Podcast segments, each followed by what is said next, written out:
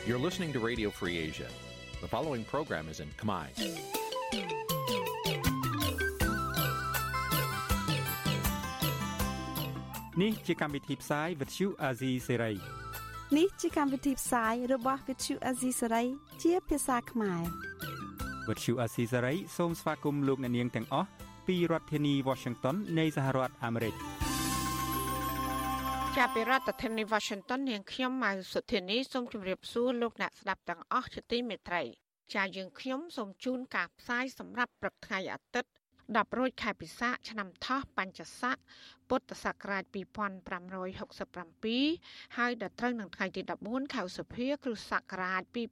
2023ជាដំបូងនេះសូមអញ្ជើញលោកអ្នកនាងកញ្ញាស្ដាប់ព័ត៌មានប្រចាំថ្ងៃដែលមានមេត្តាដូចតទៅ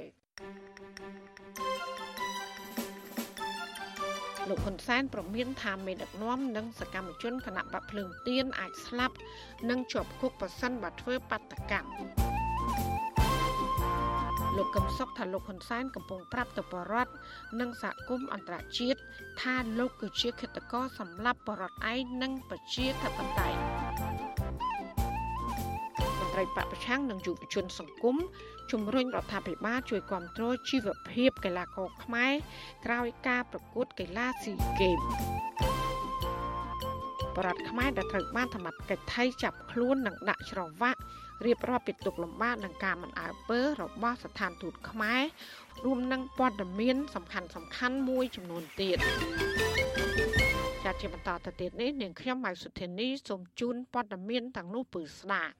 ចាលោកដានៀងជាទីមេត្រីលោកហ៊ុនសែនប្រមានអ្នកគ្រប់គ្រងនិងក្រុមដឹកនាំគណៈបកភ្លើងទៀនថាពួកគេអាចប្រឈមនឹងការស្លាប់ទាំងជាប់គុកពីការបង្ក្រាបរបស់កងកម្លាំងប្រដាប់អាវុធប៉ះសិនបើពួកគេហ៊ាននាំគ្នាធ្វើបាតកម្មអហិង្សា ប្រឆាំងគណៈកម្មាធិការជាតិរៀបចំការបោះឆ្នោតកោជបចាំមន្ត្រីសិទ្ធិមនុស្សបារម្ភពីការប្រមានរបស់លោកហ៊ុនសែនហើយថាទង្វើនេះគឺជាការរំលោភសិទ្ធិមនុស្សធ្ងន់ធ្ងរនៅកម្ពុជា ចាលោកយុនសមៀនរាយការណ៍ព័ត៌មាននេះលោកហ៊ុនសែនហៅការប្រមានធ្វើបាតកម្មអហិង្សាពីសំណាក់គណៈបកភ្លើងទៀននៅពេលខាងមុខនេះថាជាការគៀបសង្កត់លើកោជបនិងដើម្បីបង្កឲ្យមានអស្ថិរភាពនៅក្នុងសង្គមលោកហ៊ុនសែនចាត់ទុកមេដឹកនាំគណៈបកភ្លើងទៀនថាជាក្រុមមេដឹកនាំខ្ជិលខ្ជា និងខ្វះការទទួលខុសត្រូវដោយខ្លួនឯងទើបជួបការលំបាកចុះឈ្មោះចូលរួមការបោះឆ្នោតនៅពេលខាងមុខនេះ លោកហ៊ុនសែនក៏បញ្ជាឲ្យអាជ្ញាធរគ្រប់លំដាប់ថ្នាក់ជាពិសេសកងកម្លាំងប្រដាប់អាវុធនៅគ្រប់ទីកន្លែងមិនត្រូវញញើតប្រើប្រាស់វិធានការចំពោះអ្នកគាំទ្រនិងថ្នាក់ដឹកនាំគណៈបកភ្លើងទៀនទាំងនៅថ្នាក់ជាតិនិងថ្នាក់ក្រោមជាតិដែលហ៊ានចេញមុខប្រមូលផ្ដុំធ្វើបាតកម្មអហិង្សាលោកបន្តថាបាតកម្មគណៈបកភ្លើងទៀននឹងប៉ះពាល់ដល់សន្តិភាពសាធារណៈអំឡុងពេលកម្ពុជាកំពុងធ្វើជាម្ចាស់ផ្ទះព្រឹត្តិការណ៍ SEA Games លោកក៏បានបញ្ជាឲ្យបណ្ដាពន្ធនាគារត្រូវរៀបចំដាក់ក្រុមមេដឹកនាំគណៈបកភ្លើងទៀនប្រសិនបើមានបាតកម្មសូមបងប្អូនកុំចាញ់បោកហើយមកជាប់គុកឬស្លាប់ជំនួសឲ្យមេដឹកនាំខ្ញុំសូមអំពាវនាវហើយបងប្អូនកុំចូលរួមសកម្មភាពណាមួយជាមួយនឹងមេដឹកនាំភ្លើងទៀនឲ្យសោះហើយក៏សូមបញ្ជាទៅគ្រប់អាជ្ញាធរគ្រប់ទីកន្លែងដែលមានសមត្ថកិច្ចមិនអនុញ្ញាតឲ្យមានការប្រមូលផ្ដុំ ប្រឆាំងជាមួយនឹងសម្ដាប់ធ្នាប់សាធារណៈការប្រមានបង្ក្រាបសកម្មជនគណៈបកភ្លើងទៀនរបស់លោកហ៊ុនសែននេះធ្វើឡើងបន្ទាប់ពីគណៈបកភ្លើងទៀនបានប្រមានកាលពីថ្ងៃទី12ឧសភាថាគណៈបកនឹងប្រមូលផ្ដុំថ្នាក់ដឹកនាំសមាជិកសកម្មជននិងអ្នកគាំទ្រគណៈបកនៅទូទាំងប្រទេសដើម្បីធ្វើបាតកម្មតស៊ូមតិដោយសន្តិវិធី នៅក្រៅថ្ងៃទី13ឧសភាក្នុងករណីកោជប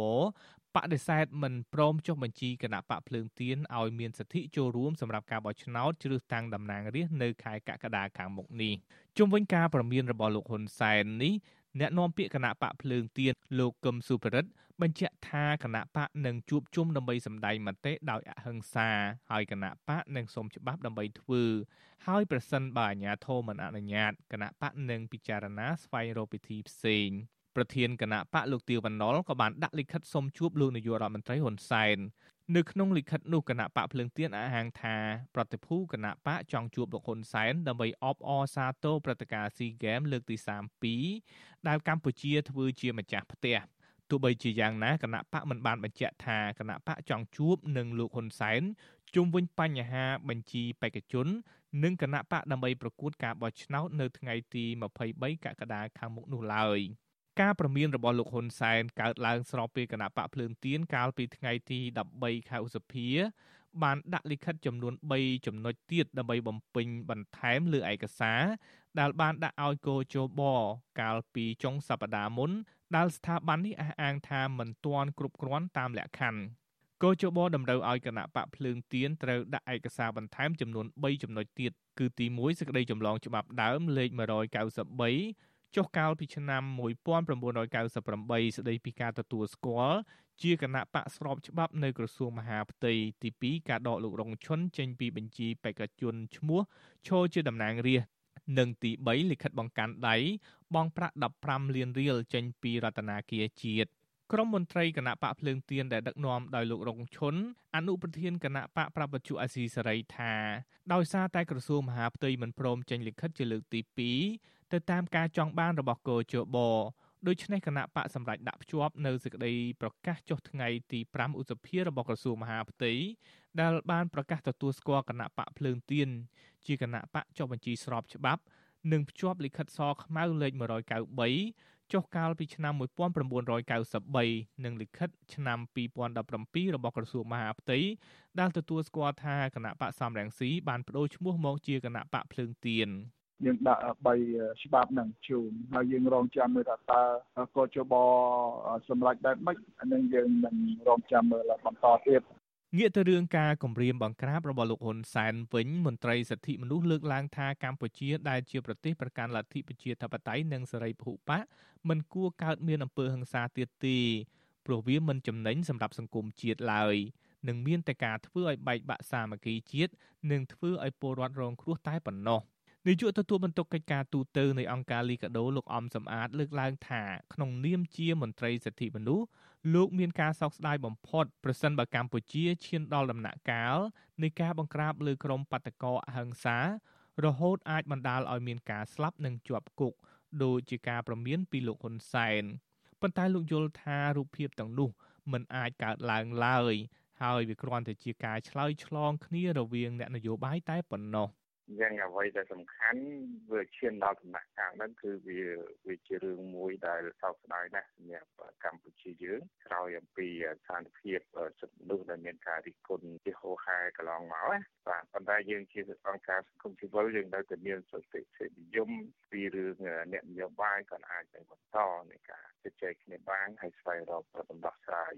ផ្នែកនយោបាយដើម្បីឲ្យមានបរិយាកាសនយោបាយល្អស្ពុះទៅរកការបោះឆ្នោតនេះបាទ មានដឹកនាំគណៈបកភ្លើងទៀនលើកឡើងថាកោជបដែលតម្រូវឲ្យគណៈបកនយោបាយត្រូវយកលិខិតចម្លងចេញពីច្បាប់ដើមនៃសេចក្តីប្រកាសទទួលស្គាល់ជាគណៈបកស្របច្បាប់ពីក្រសួងមហាផ្ទៃកាលពីឆ្នាំ1998ជាការធ្វើផ្ទុយទៅនឹងនីតិវិធីកន្លងមក ដើម្បីបង្កលក្ខណៈលំបាកដល់គណៈបកភ្លើងទៀនក្នុងការចុះបញ្ជីការបោះឆ្នោតជ្រើសតាំងតំណាងរាស្ត្រអាណត្តិទី7នៅក្នុងខែកក្កដាខាងមុខនេះ។ ពួកគេថាការបោះឆ្នោតនេះនឹងគ្មានន័យអ្វីឡើយប្រសិនបើគណៈបកប្រឆាំងដ៏មានឥទ្ធិពលបំផុតនៅពេលនេះមិនអាចចូលរួមការបោះឆ្នោតបាន ដោយសារតែការបង្កបញ្ហាស្មុគស្មាញពីស្ថាប័នកោជបខ្ញុំយុនសាមៀនវិទ្យុអាស៊ីសេរីប្រធានាធិបតី Washington ចាលោកនាយកជាទីមេត្រីពាក់ព័ន្ធនឹងការប្រមានរបស់លោកហ៊ុនសែននេះអ្នកវិភាគសង្គមលោកកឹមសុខ បានហៅការប្រមានបង្ក្រាបរបស់លោកហ៊ុនសែនទៅលើសកម្មភាពសម្ដែងមតិរបស់អ្នកគ្រប់គ្រងគណៈបកភ្លើងទៀនថាជាការរំលោភរដ្ឋធម្មនុញ្ញធ្ងន់ធ្ងរជាងនេះទៅទៀតលោកថាទង្វើបែបនេះគឺលោកហ៊ុនសែនកំពុងប្រាប់ទៅប្រដ្ឋខ្មែរនិងសហគមន៍អន្តរជាតិថាលោកគឺជាឃាតករសម្លាប់ប្រដ្ឋខ្លួនឯងហើយនិងប្រជាធិបតេយ្យ សូមលោកដានៀងស្ដាប់បទសម្ភាសន៍របស់លោកសេកបណ្ឌិត ជាមួយអ្នកវិភាគសង្គមលោកកឹមសុខជំវិញបញ្ហានេះដូចតទៅខ្ញុំបាទសូមជម្រាបសួរលោកគុំសុកបាទបាទជម្រាបសួរលោកសេចបណ្ឌិតបាទពេលនេះចង់ឲ្យលោកចាប់អារម្មណ៍ទៅលើស្ថានភាពចុងក្រោយនៃការវិវត្តនយោបាយនៅពេលនេះតើលោកយល់យ៉ាងម៉េចដែរចំពោះការប្រមានរបស់លោកនាយករដ្ឋមន្ត្រីនៅពេលនេះបាទលោកនាយករដ្ឋមន្ត្រីហ៊ុនសែនខ្លាចប្រជារាស្ត្រពីព្រោះការឈឺចាប់របស់ប្រជារាស្ត្រធំពេកហើយម្ល៉េះហើយលោកហ៊ុនសែន ហាក់ដូចជាពិបាកស្ទង់ដឹង ថាតើប្រជារាស្ត្រសម្រេចចិត្តបែបណា ហើយក្លាហានប៉ុណ្ណា ប្រសិនបើ មានការដឹកនាំធ្វើការតស៊ូមតិក្នុងកម្រិតណាមួយ តាមរដ្ឋធម្មនុញ្ញដោយគណៈបកនយោបាយដែលមានសក្តានុពលមួយឧទាហរណ៍គណៈបកភ្លឹងទៀនជាដើមក៏ប៉ុន្តែបើសិនជាផ្លូវច្បាប់វិញតើការធ្វើបាតកម្មដោយអហិង្សា ត្រូវតែមានការបង្ក្រាបត្រូវតែមានការចាប់ដាក់គុកត្រូវតែមានការសម្លាប់អីអញ្ចឹងដែរឬមួយក៏យ៉ាងម៉េចដែរលោកកឹមសុខបាទស្មារតីរដ្ឋធម្មនុញ្ញគឺយុតិធធហើយនឹងការប្រកួតដោយស្មារតីគ្នា កាលណាគណៈបកភ្លើងទៀនមើលឃើញថាត្រូវតែតវ៉ាទាមទារលក្ខខណ្ឌឲ្យមានការប្រកួត ក្នុងលក្ខខណ្ឌមួយដែលគណៈបកភ្លើងទៀនគួរទទួលយកបានអត់មានអ្វីខុសច្បាប់ទេហើយអ្នកបង្ក្រាបទៅវិញទេឬក៏អ្នកប្រកាសប៉ុនប៉ងបង្ក្រាបនោះទេ ដែលបង្ហាញអំពីចរិតព្រឹកពីនៃការបំពានរដ្ឋធម្មនុញ្ញដោយខ្លួនឯងនេះទី1ទី2ការបំពាននេះមានលក្ខណៈធ្ងន់ធ្ងរណាស់ពីព្រោះលោកនាយករដ្ឋមន្ត្រីហ៊ុនសែនគឺជាអ្នកធានានៅការគោរពសិទ្ធិសេរីភាពតាមរដ្ឋធម្មនុញ្ញក្នុងនាមខ្លួនជាមេដឹកនាំនៃអង្គការប្រតិបត្តិរបស់ប្រទេសបែរទៅជាគម្រាមកំហែងគេ ដែលគ្រាន់តែចង់បានសិទ្ធិក្នុងការចូលរួមប្រកួត ដោយស្មើសិទ្ធិគ្នា មួយវិញទៀតក៏ទំនងជាលោកនាយករដ្ឋមន្ត្រីហ៊ុនសែនគាត់បារម្ភខ្លាំងទៅវិញទេ អំពីការខូចមុខមាត់ឬខូចនយោបាយរបស់គាត់ដែលគាត់ព្រៀងយកព្រឹត្តិការណ៍ស៊ីហ្គេមមកទៅឃោសនាបោះឆ្នោតរកសម្លេងឆ្នោតហើយអញ្ចឹងទៅប្រសិនបើគណៈបកភ្លឹងទៀនធ្វើការតវ៉ាវាខូចទៅដល់បរិយាកាសជារូបភាព នៃមុខមាត់នយោបាយរបស់គាត់ដែលគាត់ព្រៀងទុកក៏ប៉ុន្តែខ្ញុំសូមបញ្ជាក់ថាការទៀមទាឬក៏ការត្រៀមតវ៉ាឬក៏ចង់តវ៉ាឬផែនការតវ៉ាណាមួយរបស់គណៈបកភ្លើងទៀនអត់មានអ្វីខុសរដ្ឋធម្មនុញ្ញទេ ឥឡូវនេះទន្ទឹមនឹងលោកនាយករដ្ឋមន្ត្រីហ៊ុនសែនប្រមាន ទៅគណៈបកភ្លើងទៀនដែលមានកម្រងចង់ជួបជុំគ្នាប្រមូលផ្ដុំសមាជិកសមាជិកាសម្ដែងមតិដោយអហិង្សាក្រោយពីគណៈបកភ្លើងទៀនហាក់បីដូចជាអស់សង្ឃឹមអស់លទ្ធភាពក្នុងការស្វែងរកមធ្យោបាយ សូមចុះបញ្ជីគណៈបកនយោបាយសូមចុះបញ្ជីបេក្ខជនចូលឈ្មោះបោះឆ្នោតសម្រាប់ត្រៀមចូលរួមបោះឆ្នោតនៅថ្ងៃទី23ខែកក្កដាខាងមុខនេះបាទក៏ប៉ុន្តែការប្រមានជាបន្តបន្ទាប់នេះបានកើតឡើងគណៈបកភ្លើងទៀនថ្មីថ្មីនេះហាក់បីដូចជាបានបង្ហាញបន្ទុនអេរិយាប័តដោយនៅថ្ងៃនេះបានសរសេរលិខិតជូនទៅលោកនាយករដ្ឋមន្ត្រីហ៊ុនសែនដោយសុំជួបផ្ទាល់ដើម្បីអបអរសាទរដែលកម្ពុជា បានរៀបចំប្រារព្ធនិងដឹកនាំការប្រកួតកីឡាស៊ីហ្គេមនោះបានល្អបានជោគជ័យហើយនឹងឆ្លៀតឱកាសនោះដែរគឺថាសូមជជែកគ្នាតទល់មុខគ្នាអំពីស្ថានភាពនយោបាយអំពីការរៀបចំការបោះឆ្នោតដែលនឹងប្រព្រឹត្តទៅពីខាងមុខការសរសេរលិខិតទៅលោកនាយករដ្ឋមន្ត្រីហ៊ុនសែននៅពេលដែលលោកប្រមានតើលោកកឹមសុខយល់ឃើញយ៉ាងម៉េចដែរបាទនោះជាយុទ្ធសាស្ត្រផ្ទៃក្នុងរបស់គណៈបកភ្លឹងទៀន ខ្ញុំមិនលូកលាន់ទេ ចង់សរសេរលិខិតបែបណា ចង់ជួបជជែកជាមួយលោកនាយករដ្ឋមន្ត្រីហ៊ុនសែនក៏ប៉ុន្តែខ្ញុំមើលឃើញថាបើទោះបីជាភ្លើងទៀនធ្វើបែបណាក៏ដោយលោកហ៊ុនសែនមិនបដូរយុទ្ធសាស្ត្ររបស់ខ្លួនទេយុទ្ធសាស្ត្រទៅមុខរបស់លោកហ៊ុនសែនគឺគាត់ត្រូវស្ទង់មើលថាតើគណៈបកភ្លើងទៀនរីកចម្រើនប៉ុណ្ណា ជាពិសេសក្នុងការតទល់នឹងគណៈបកប្រជាជនកម្ពុជា តវ៉ាយុតិធធឬទេនៅក្រៅការបោះឆ្នោតប្រសិនបើលោកហ៊ុនសែនស្ទង់មើលថាគណៈបកភ្លើងទៀនមិនអន់ទេ ក្នុងស្មារតីនៃការទៀមទាយុតិធធលោកនាយករដ្ឋមន្ត្រីហ៊ុនសែនមានភាគរយខ្ពស់ណាស់ក្នុងការបិទគណៈបកភ្លើងទៀនមិនឲ្យចូលរួមបោះឆ្នោតអញ្ចឹងហើយបានជាខ្ញុំមានយោបល់តាំងពីដើមមកថាត្រូវប្រកួតដោយយុទ្ធសាស្ត្រតទល់នឹងលោកនាយករដ្ឋមន្ត្រីហ៊ុនសែន ឥឡូវស្ថិតនៅក្នុងកលតិស័កដ៏ស្មុគស្មាញចម្រូងចម្រាសបែបនេះទី1គណៈបកភ្លើងទៀនត្រូវប្រឈមមុខនោះគឺថាទោះបីជាគណៈបកភ្លើងទៀនគាត់យល់ថាគាត់នឹងទទួលបានអយុត្តិធម៌និងសោកស្ដាយពុនពេកណាស់ដែលខិតខំធ្វើការរៀបចំផែនការក្នុងការចូលរួមបោះឆ្នោតទៅតាមសង្គមប្រជាធិបតេយ្យក៏ប៉ុន្តែទីបំផុត ត្រូវរលាយក្នុងមួយរំពេចភ្នែកដោយមិនបានចូលរួមបើសិនជាគណៈបកនេះមិនបានចូលរួមនោះហើយគណៈបកភ្លើងទៀនដូចខ្ញុំបានលើកឡើងមិញអញ្ចឹងក៏ព្យាយាមអស់លទ្ធភាពដែរគឺថាព្យាយាមទី1នោះគឺថាព្យាយាមសម្របសម្រួលសរសេរលិខិតសូមជួបលោកនាយករដ្ឋមន្ត្រីហ៊ុនសែនជជែកផ្ទាល់អំពីរឿងនេះផ្ទាល់តែម្ដងហើយមួយទៀតនោះគឺថាប្រើសិទ្ធិរបស់ខ្លួនតស៊ូមតិដោយអហិង្សាបើសិនជាករណីគណៈបកភ្លើងទៀនមិនអាចចុះឈ្មោះបាននោះ ក៏ប៉ុន្តែត្រូវបានប្រមានភ្លាមភ្លាមទោះបីជាការធ្វើកោតកម្មក្តីឬមួយក៏ការជួបជុំសម្ដែងមតិក្នុងទម្រង់ណាមួយក៏ដោយអហិង្សាយ៉ាងណាក៏ដោយស្របតាមច្បាប់រដ្ឋធម្មនុញ្ញក៏ដោយលោកនាយករដ្ឋមន្ត្រីអត់ខ្វល់ពីរឿងច្បាប់ទេពេលនេះគឺថាឲ្យតែមានត្រូវតែប្រឈមនឹងការស្លាប់និងជាប់គុកនៅក្នុងកលៈទេសៈបថុចញុចបែបនេះតើគណៈបកភ្លើងទៀនគួររៀបចំយុទ្ធសាស្ត្រនយោបាយឬមួយក៏រៀបចំសេណារីយ៉ូធ្វើការដំណើរទៅមុខទៀតតាមបែបណាបើតាមលោកកឹមសុខមើលឃើញ អំពីយុទ្ធសាស្ត្រនយោបាយយើងពិបាកនិយាយជាសាធារណៈពេលនេះភ្លឹងទៀនបានបន្លាចស្មារតីលោកនាយករដ្ឋមន្ត្រីហ៊ុនសែនរួចទៅហើយហើយការបន្លាចស្មារតីលោកនាយករដ្ឋមន្ត្រីហ៊ុនសែនយើងមើលឃើញច្បាស់ថា ទំនងជាលោកហ៊ុនសែនអាចប្រមាលមើលអំពីសកម្មភាពសកម្មណាមួយដែលអាចប៉ះពាល់ទៅដល់ផែនការផ្ទៃអំណាចពីគាត់ទៅកូនប្រុសរបស់គាត់ពីព្រោះផែនការផ្ទៃអំណាចនេះ វាស្ទះនៅត្រឹមតែពីរយ៉ាងទេមួយយ៉ាងធំទី1តើគណៈបកជាគូប្រកួតប្រជែងដូចជាគណៈបកភ្លឹងទៀននេះមានស្មារតីទាមទារយុត្តិធម៌ប៉ុណ្ណាហើយទី2ផ្ទៃក្នុងគណៈបកប្រជាជនកម្ពុជាហ៊ានប៉ុណ្ណាដែរក្នុងការតវ៉ាសម្រួលបញ្ហាមួយចំនួនកុំឲ្យលោកហ៊ុនម៉ាណែតនិងក្រុមគ្រួសារហ៊ុនមានអំណាចពេកក្នុងរដ្ឋាភិបាលថ្មី ចំនួនថ្មីរបស់គណៈបកប្រជាជន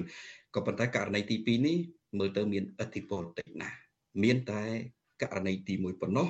គឺគូប្រជែងនយោបាយហើយនៅពេលនេះមានគណៈបកភ្លឹងទៀនអញ្ចឹងហើយអ្វីដែលត្រូវធ្វើបន្តគឺត្រូវរកវិធី ប្រកួតដោយយុទ្ធសាស្ត្រទល់នឹងគណៈបកប្រជាជនកម្ពុជា ពីព្រោះមានតែការប្រកួតដោយយុទ្ធសាស្ត្រទេទើបអាចឈ្នះគណៈបកប្រជាជនកម្ពុជាបាននិយាយចំណា ប្រសិនបើយើងប្រកួតផ្ដោតតែលើការបោះឆ្នោតមិនឈ្នះគណៈបកប្រជាជនកម្ពុជាទេពីព្រោះគេគ្រប់គ្រងទាំងអស់ដោយដែលសហគមន៍អន្តរជាតិព្រមានហើយសហគមន៍អន្តរជាតិអឺរ៉ុបសហរដ្ឋអាមេរិកបណ្ដាសម្ព័ន្ធមិត្តសេរីប្រជាធិបតេយ្យគេមិនធ្វើសាក់សីក្នុងការបោះឆ្នោតនេះផងបាទអឺមិញលោកកឹមសុខបានលើកឡើងហើយថាគណៈបកភ្លើងទៀនបានបន្លាចលោកនាយករដ្ឋមន្ត្រីហ៊ុនសែនមកករណីចុងក្រោយនេះគឺការត្រៀម ជួបជុំគ្នាធ្វើការតស៊ូមតិដោយអហិង្សាបើសិនជាខ្លួនមិនបានចូលរួមបោះឆ្នោតនៅពេលខាងមុខនេះហើយលោកនាយករដ្ឋមន្ត្រីហ៊ុនសែនក៏អត់ទុកយូរដែរគឺថាមិនបន្លាចទេកំញោយតែម្ដងគឺថា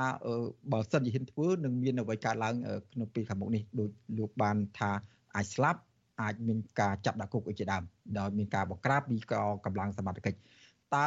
ការបន្លាចរបស់លោកហ៊ុនសែននិងការបន្លាចរបស់គណៈបកភ្លើងទៀនមួយណាមានអធិបុលជាងហើយបើសិនជាគណៈបកភ្លើងទៀនហ៊ានមិនខ្លាចមិនចៃសម្លុតលោកនាយករដ្ឋមន្ត្រីហ៊ុនសែននឹងមានរឿងអ្វីកើតឡើងហើយបើសិនជាគណៈបកភ្លើងទៀនចាញ់សម្លុតលោកហ៊ុនសែនទៅសងំស្ងៀមមិនបានចូលរួមបោះឆ្នោតតើ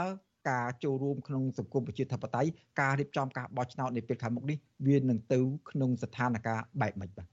ខ្ញុំមិនវិភាគថាភ្លើងទៀន ឬភាគីលោកហ៊ុនសែនមួយណាមានអធិបុលជាង ក្នុងការបន្លាចគ្នានេះទេក៏ប៉ុន្តែជាយោបល់របស់ខ្ញុំ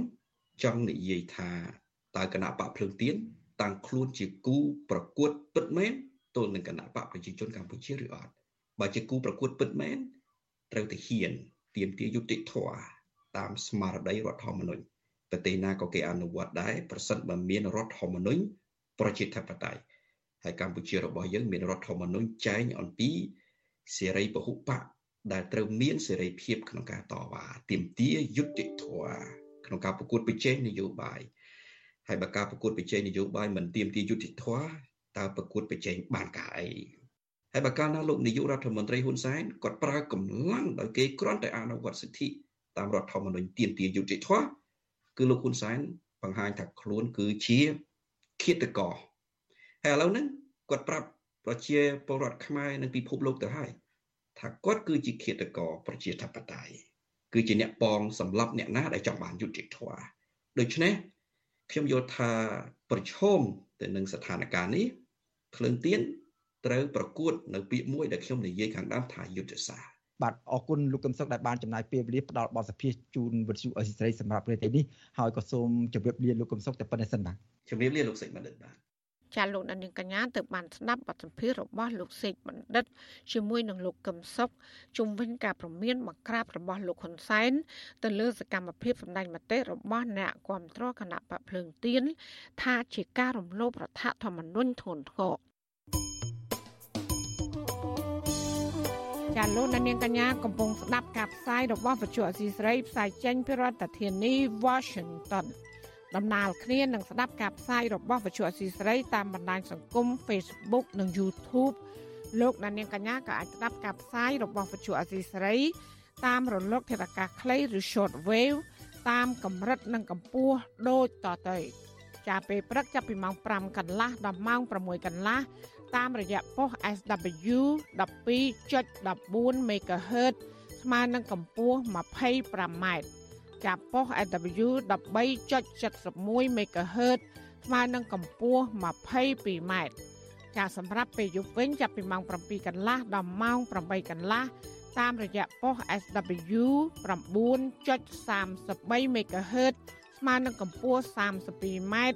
ប៉ុស SW 11.88 MHz ស្មើនឹងកម្ពស់ 25m និងប៉ុស SW 12.14 MHz ស្មើនឹងកម្ពស់ 25m ចាសសូមអរគុណ ចាលោកនាងជាទីមេត្រីរឿងដាច់ដライតាក់ទងនឹងកីឡាករខ្មែរវិញមន្ត្រីបពប្រឆាំងនិងយុវជន សង្គមជំរុញរដ្ឋាភិបាលលោកហ៊ុនសែនបង្ហាញឆន្ទៈពិតប្រាកដជួយគ្រប់គ្រងដល់ជីវភាព និងសុខភាពរបស់កីឡាករខ្មែរក្រោយពេលបញ្ចប់ព្រឹត្តិការណ៍កីឡាស៊ីហ្គេមលើកទី32ដែលកម្ពុជាធ្វើជាម្ចាស់ផ្ទះ ការលើកឡើងបែបនេះដោយសារពួកគេបារម្ភថាកីឡាករដែលជួយលើកស្ទួយវិស័យកីឡានិងនាំកិត្តិយសឲ្យជាតិនោះអាចនឹងត្រូវរដ្ឋាភិបាលទប់ពួកគាត់ចោលក្រោយបដការស៊ីហ្គេមចាប់ពីរដ្ឋធានី Washington លោកយ៉ងច័ន្ទដារារាយការណ៍ព័ត៌មាននេះមន្ត្រីគណៈបកប្រឆាំងនិងយុវជន ចង់ឃើញរដ្ឋាភិបាលយកចិត្តទុកដាក់ទៅលើវិស័យកីឡាគ្រប់ប្រភេទដើម្បីជំរុញឲ្យវិស័យកីឡារីកចម្រើនដោយប្រទេសជិតខាង ជាជាងលំអផ្នែកអ្នកទស្សនាឬក៏យកមុខមាត់តែក្នុងព្រឹត្តិការណ៍ SEA Games តែមួយពេលមន្ត្រីជាន់ខ្ពស់គណៈបកសង្គ្រោះជាតិលោកអ៊ុំសំអាន មើលឃើញថាក្រោមការដឹកនាំរបស់លោកហ៊ុនសែនវិស័យកីឡាកម្ពុជា ហាក់ដើរយឺតជាងប្រទេសជិតខាងលោកឲ្យដឹងថាបញ្ហានេះកើតឡើងដោយសារតែរដ្ឋាភិបាលខ្វះការយកចិត្តទុកដាក់ទៅលើបញ្ហាជីវភាពនិងសុខទុក្ខរបស់កីឡាករលោកបន្ថែមថាក្រោយពេលបញ្ចប់ការប្រកួតកម្មវិធីកីឡាថ្នាក់ជាតិ ឬក៏ថ្នាក់អន្តរជាតិម្ដងម្ដងកីឡាករមួយចំនួនត្រូវតែដោះស្រាយបញ្ហាសេដ្ឋកិច្ចផ្ទាល់ខ្លួនហើយអ្នកខ្លះទៀតត្រូវបង្ខំចិត្តផ្អាកការវឹកហាត់ពង្រឹងសមត្ថភាពដើម្បីងាកទៅប្រកបមុខរបរផ្សេងសម្រាប់គុតគងគ្រួសារ លោកហ៊ុនសែនហ្នឹងក៏យកចិត្តទុកដាក់ទៅពេលពេលប្រកួតម្ដងម្ដងហ្នឹងយើងឬក៏ឧបត្ថម្ភទៅពេលប្រកួតម្ដងម្ដងហ្នឹងហើយឬក៏ទៅលើបុគ្គលម្នាក់ពីរនាក់ហ្នឹងហើយយកមុខយកមាត់ណាថាអូសម្ដេចស្ដេចជោបានឧបត្ថម្ភកីឡាករប៉ុណ្ណេះប៉ុណ្ណេះប៉ុណ្ណេះកីឡាករមួយនេះកីឡាកររូបនោះក៏ប៉ុន្តែជាទូទៅសម្រាប់កីឡាករទូទៅគឺមិនបានយកចិត្តទុកដាក់ហ្នឹងជាជាការធ្វើប្រជាផុតលើកទឹកចិត្តតែកីឡាករផ្ទះម្នាក់ពីរនាក់ហ្នឹងហើយក៏ប៉ុន្តែអាចបានយកចិត្តទុកដាក់ទៅលើ វិស័យកីឡាទាំងមូលអាហ្នឹងជារឿងមួយមិនត្រឹមត្រូវនោះទេចំណែកយុវជនសង្គមលោកស្វាយសំណាងវិញលោកយល់ថារដ្ឋាភិបាលរៀបចំព្រឹត្តិការណ៍ SEA Games លើកនេះបានជួយលើកស្ទួយកិត្តិយសជាតិនៅលើឆាកអន្តរជាតិក៏ប៉ុន្តែលោកថាការទំនុកបំរុងកីឡាករឲ្យមានជីវភាពសមរម្យគឺជារឿងសំខាន់ដែលរដ្ឋាភិបាលត្រូវយកចិត្តទុកដាក់គ្រប់ពេលដើម្បីឲ្យពួកគាត់មានពេលវេលាគ្រប់គ្រាន់ពង្រឹងទៅលើការហាត់សមត្រៀមប្រកួតលើកក្រោយលើក្រោយទៀត សង្ឃឹមថារាជរដ្ឋាភិបាលនឹងយកចិត្តទុកដាក់ជួយបំរុងបំរុងដល់កីឡាករទាំងអស់នោះឲ្យគាត់ខ្លាយទៅជាកីឡាករឆ្នើមហើយជាកីឡាករឈានមុខគេនៅក្នុងបណ្ដាប្រទេសអាស៊ានផងហើយធ្វើម៉េចយើងមិនចង់ឲ្យការរៀបចំនេះគ្រាន់តែលំអពីមុខហើយនៅខាងពីក្រោយនោះវាធ្វើឲ្យកីឡាករគាត់បាក់ទឹកចិត្តដែរការលើកឡើងរបស់មន្ត្រីគណៈបកប្រឆាំងនិងយុវជននេះគឺនៅស្របពេលកម្ពុជាកំពុងធ្វើជាម្ចាស់ផ្ទះ រៀបចំព្រឹត្តិការណ៍កីឡាស៊ីហ្គេមលើកទី32ហើយកម្ពុជា មានកីឡាករចូលរួមប្រកួតជិត900នាក់ព្រឹត្តិការណ៍កីឡាថ្នាក់តំបន់នេះចាប់ផ្ដើមពីថ្ងៃទី5ដល់ថ្ងៃទី17ខែឧសភាដោយមានការប្រកួតកីឡាសរុប37ប្រភេទហើយចែកចេញជា586វិញ្ញាសាដែលមានប្រតិភូកីឡាសរុបចំនួនជាង12000នាក់តកតងទៅនឹងកម្មវិធី SEA Games ដែលកំពុងប្រព្រឹត្តទៅនេះ ការត្អូញត្អែពីកង្វះការយកចិត្តទុកដាក់ពីសំណាក់រដ្ឋាភិបាលក៏បានលេចឡើងផងដែរមន្ត្រីបច្ចេកទេសគុណល្បុក្កតោលោកច័ន្ទដិទ្ធិស័កបានបង្ហោះសារ Facebook កាលពីថ្ងៃទី12ខែឧសភាថាលោកសោកស្ដាយដែលមិនអាចមានឱកាសចូលរួមជាអត្តពលិកសម្រាប់ការប្រកួត SEA Games លើកទី32នៅក្នុងគុណល្បុក្កតោប្រយុទ្ធក៏ប៉ុន្តែលោកថាអ្វីដែលលោកសោកសៅនិងអន់ចិត្តទៀតនោះគឺមន្ត្រីបច្ចេកទេសអន្តរជាតិទទួលបានកន្លែងស្នាក់នៅអាហារ និងប្រាក់100ដុល្លារនៅក្នុងមួយថ្ងៃក៏ប៉ុន្តែក្រមមន្ត្រីបច្ចេកទេសជាតិវិញទទួលបានតែ50ដុល្លារប៉ុណ្ណោះនៅក្នុងមួយថ្ងៃលោកចោទសួរថាតើហេតុអ្វីបានជាមិនស្មើភាពគ្នា ហើយថាតើពេលណាទើបគេផ្ដល់តម្លៃដល់ការងាររបស់មន្ត្រីបច្ចេកទេសជាតិវិទ្យុអាស៊ីសេរីមិនអាចតាក់ទងប្រធានអង្គភិបអ្នកនាំពាក្យរដ្ឋាភិបាលលោកផៃស៊ីផាន និងអគ្គលេខាធិការគណៈកម្មាធិការជាតិអូឡ িম্প ិកកម្ពុជា លោកវ៉ាត់ចម្រើន ដើម្បីសាកសួរអំពីរឿងនេះបានទេ នៅថ្ងៃទី13ខែឧសភារដ្ឋាភិបាលលោកហ៊ុនសែនគ្រោងចំណាយថវិកាប្រមាណ200លានដុល្លារអាមេរិកសម្រាប់ព្រឹត្តិការណ៍ SEA Games លើកនេះផ្ទុយពីបណ្ដាប្រទេសផ្សេងទៀតនៅក្នុងតំបន់អាស៊ាន ដែលធ្វើជាម្ចាស់ផ្ទះកន្លងទៅរដ្ឋាភិបាលលោកហ៊ុនសែនបានប្រកាសប៉ាវសពគ្រប់បែបយ៉ាងទៅលើការហូបចុក ស្នាក់នៅ ការផ្សព្វផ្សាយនិងការចូលទស្សនាការប្រកួតកីឡាគ្រប់វិញ្ញាសា ខណៈកម្ពុជាជាប្រទេសមានសេដ្ឋកិច្ចក្រីក្រជាងគេក្នុងតំបន់និងខ្ចីបុលពីបរទេសជាង2000លានដុល្លារអាមេរិកនៅក្នុងមួយឆ្នាំមួយឆ្នាំជុំវិញរឿងនេះអ្នកវិភាគនយោបាយលោកកឹមសុខរិះគន់ថានេះគឺជាការសម្រេចចិត្តមិនត្រឹមត្រូវឡើយលោកយល់ថាលោកហ៊ុនសែនគួរតែយកលុយដែលទទួលបានពីប្រតិភូបរទេសប្រមាណ7លានដុល្លារនោះដោយពាក់កណ្ដាលយកទៅពង្រឹងវិស័យកីឡាហើយពាក់កណ្ដាលទៀតគួរធ្វើជាប្រាក់រង្វាន់លើកទឹកចិត្តដល់កីឡាករ លោកជឿជាក់ថាក្រុមកីឡាករកម្ពុជានឹងមិនទទួលបានការយកចិត្តទុកដាក់ច្រើនទៀតនោះទេ ក្រោយពីព្រឹត្តិការណ៍ SEA Games លើកនេះក្រោយការប្រកួតនេះណាកីឡាករកីឡាការិនីហាក់ដូចជាគេបោះបង់ចោលចាំមើលពីព្រោះប្រសិនបើលោកហ៊ុនសែនយកលុយចំណែកណាមួយឧបមាចុះចំណែកណាមួយពីអុកញ៉ាណាមួយទៅធ្វើជារង្វាន់សម្រាប់កីឡាករកីឡាការិនីដែលបានមេដាយនោះច្បាស់ណាស់នឹងអស់ព្រៃឈើម្ដុំណាអស់ដីម្ដុំណា អស់ទ្រព្យសម្បត្តិរដ្ឋម្ដុំណាមន្ត្រីគណៈបកប្រឆាំងនិងយុវជន លើកឡើងថាដើម្បីពង្រឹងវិស័យកីឡារដ្ឋាភិបាលត្រូវតែរៀបចំគោលនយោបាយបង្កើនកញ្ចប់ថវិកាជាតិជួយជ្រោមជ្រែងដល់វិស័យនេះកសាងហេដ្ឋារចនាសម្ព័ន្ធវឹកហាត់ឬប្រកួតឲ្យសម្បូរបែបជាពិសេសជំរុញទឹកចិត្តនិងគាំទ្រផ្នែកហិរញ្ញវត្ថុជួយឲ្យកីឡាកររស់នៅក្នុងជីវភាពសមរម្យដើម្បីឲ្យពួកគាត់ផ្ដោតទៅលើការវឹកហាត់ជាងនេះទៅទៀត រដ្ឋាភិបាលត្រូវតែលុបបំបាត់អំពើពុករលួយ ហើយត្រូវបញ្ឈប់សកម្មភាពពុះជ្រៀកលក់ដីកីឡាដ្ឋាន ដែលជាមរតកពីដូនតាឲ្យទៅក្រុមហ៊ុនឯកជនបន្តទៀតខ្ញុំយ៉ងច័ន្ទដារាវិទ្យុអាស៊ីសេរី Washington ចាលោកនាងជាទីមេត្រីតកតងលទ្ធផលនៃព្រឹត្តិការណ៍កីឡាស៊ីហ្គេមគឺគិតត្រឹមជប់ថ្ងៃទី13ខែសុភាម្សិលមិញកម្ពុជាឈរលេខរៀងទី3ជាបណ្ដោះអាសន្នក្នុងចំណាត់ថ្នាក់មេដាយមាសដែលដណ្ដើមបានក្នុងព្រឹត្តិការណ៍នេះវៀតណាមឈរលេខរៀងទី1មានមេដាយសរុបចំនួន253គ្រឿងតាមពីក្រោយដោយប្រទេសថៃដែលមានមេដាយ206គ្រឿង ចំណែកកម្ពុជាវិញទទួលបានមេដាយ192គ្រឿងក្នុងនោះ59គ្រឿងជាមេដាយមាស53គ្រឿងជាមេដាយប្រាក់និង80គ្រឿងទៀតគឺជាមេដាយសំរឹទ្ធគិតមកដល់ពេលនេះកម្ពុជាបានបំបីកំណត់ត្រាឈរលើប្រទេសជាសមាជិកអាស៊ាន ខ្លាំងខ្លាំងជាច្រើនទៀតរួមមានឥណ្ឌូនេស៊ីសិង្ហបុរីហ្វីលីពីន និងម៉ាឡេស៊ីខណៈស៊ីហ្គេម3លើកមុនមុន កម្ពុជាឈរនៅចំណាត់ថ្នាក់លេខ8ក្នុងចំណោម11ប្រទេសកម្មវិធីប្រកួតដណ្ដើមមេដាយនឹងបន្តរហូតដល់ថ្ងៃទី16ខែសុភាហើយកម្មវិធីបិទព្រឹត្តិការណ៍កីឡាស៊ីហ្គេមលើកទី32នេះនឹងប្រព្រឹត្តទៅនៅថ្ងៃពុធទី17ខែឧសភាសប្តាហ៍ក្រោយចាលោកនាងជាទីមេត្រីវັດឈុអសីស្រីសូមជូនដំណឹង ថាយើងគ្មានអ្នកយកព័ត៌មានប្រចាំនៅប្រទេសកម្ពុជានោះឡើយ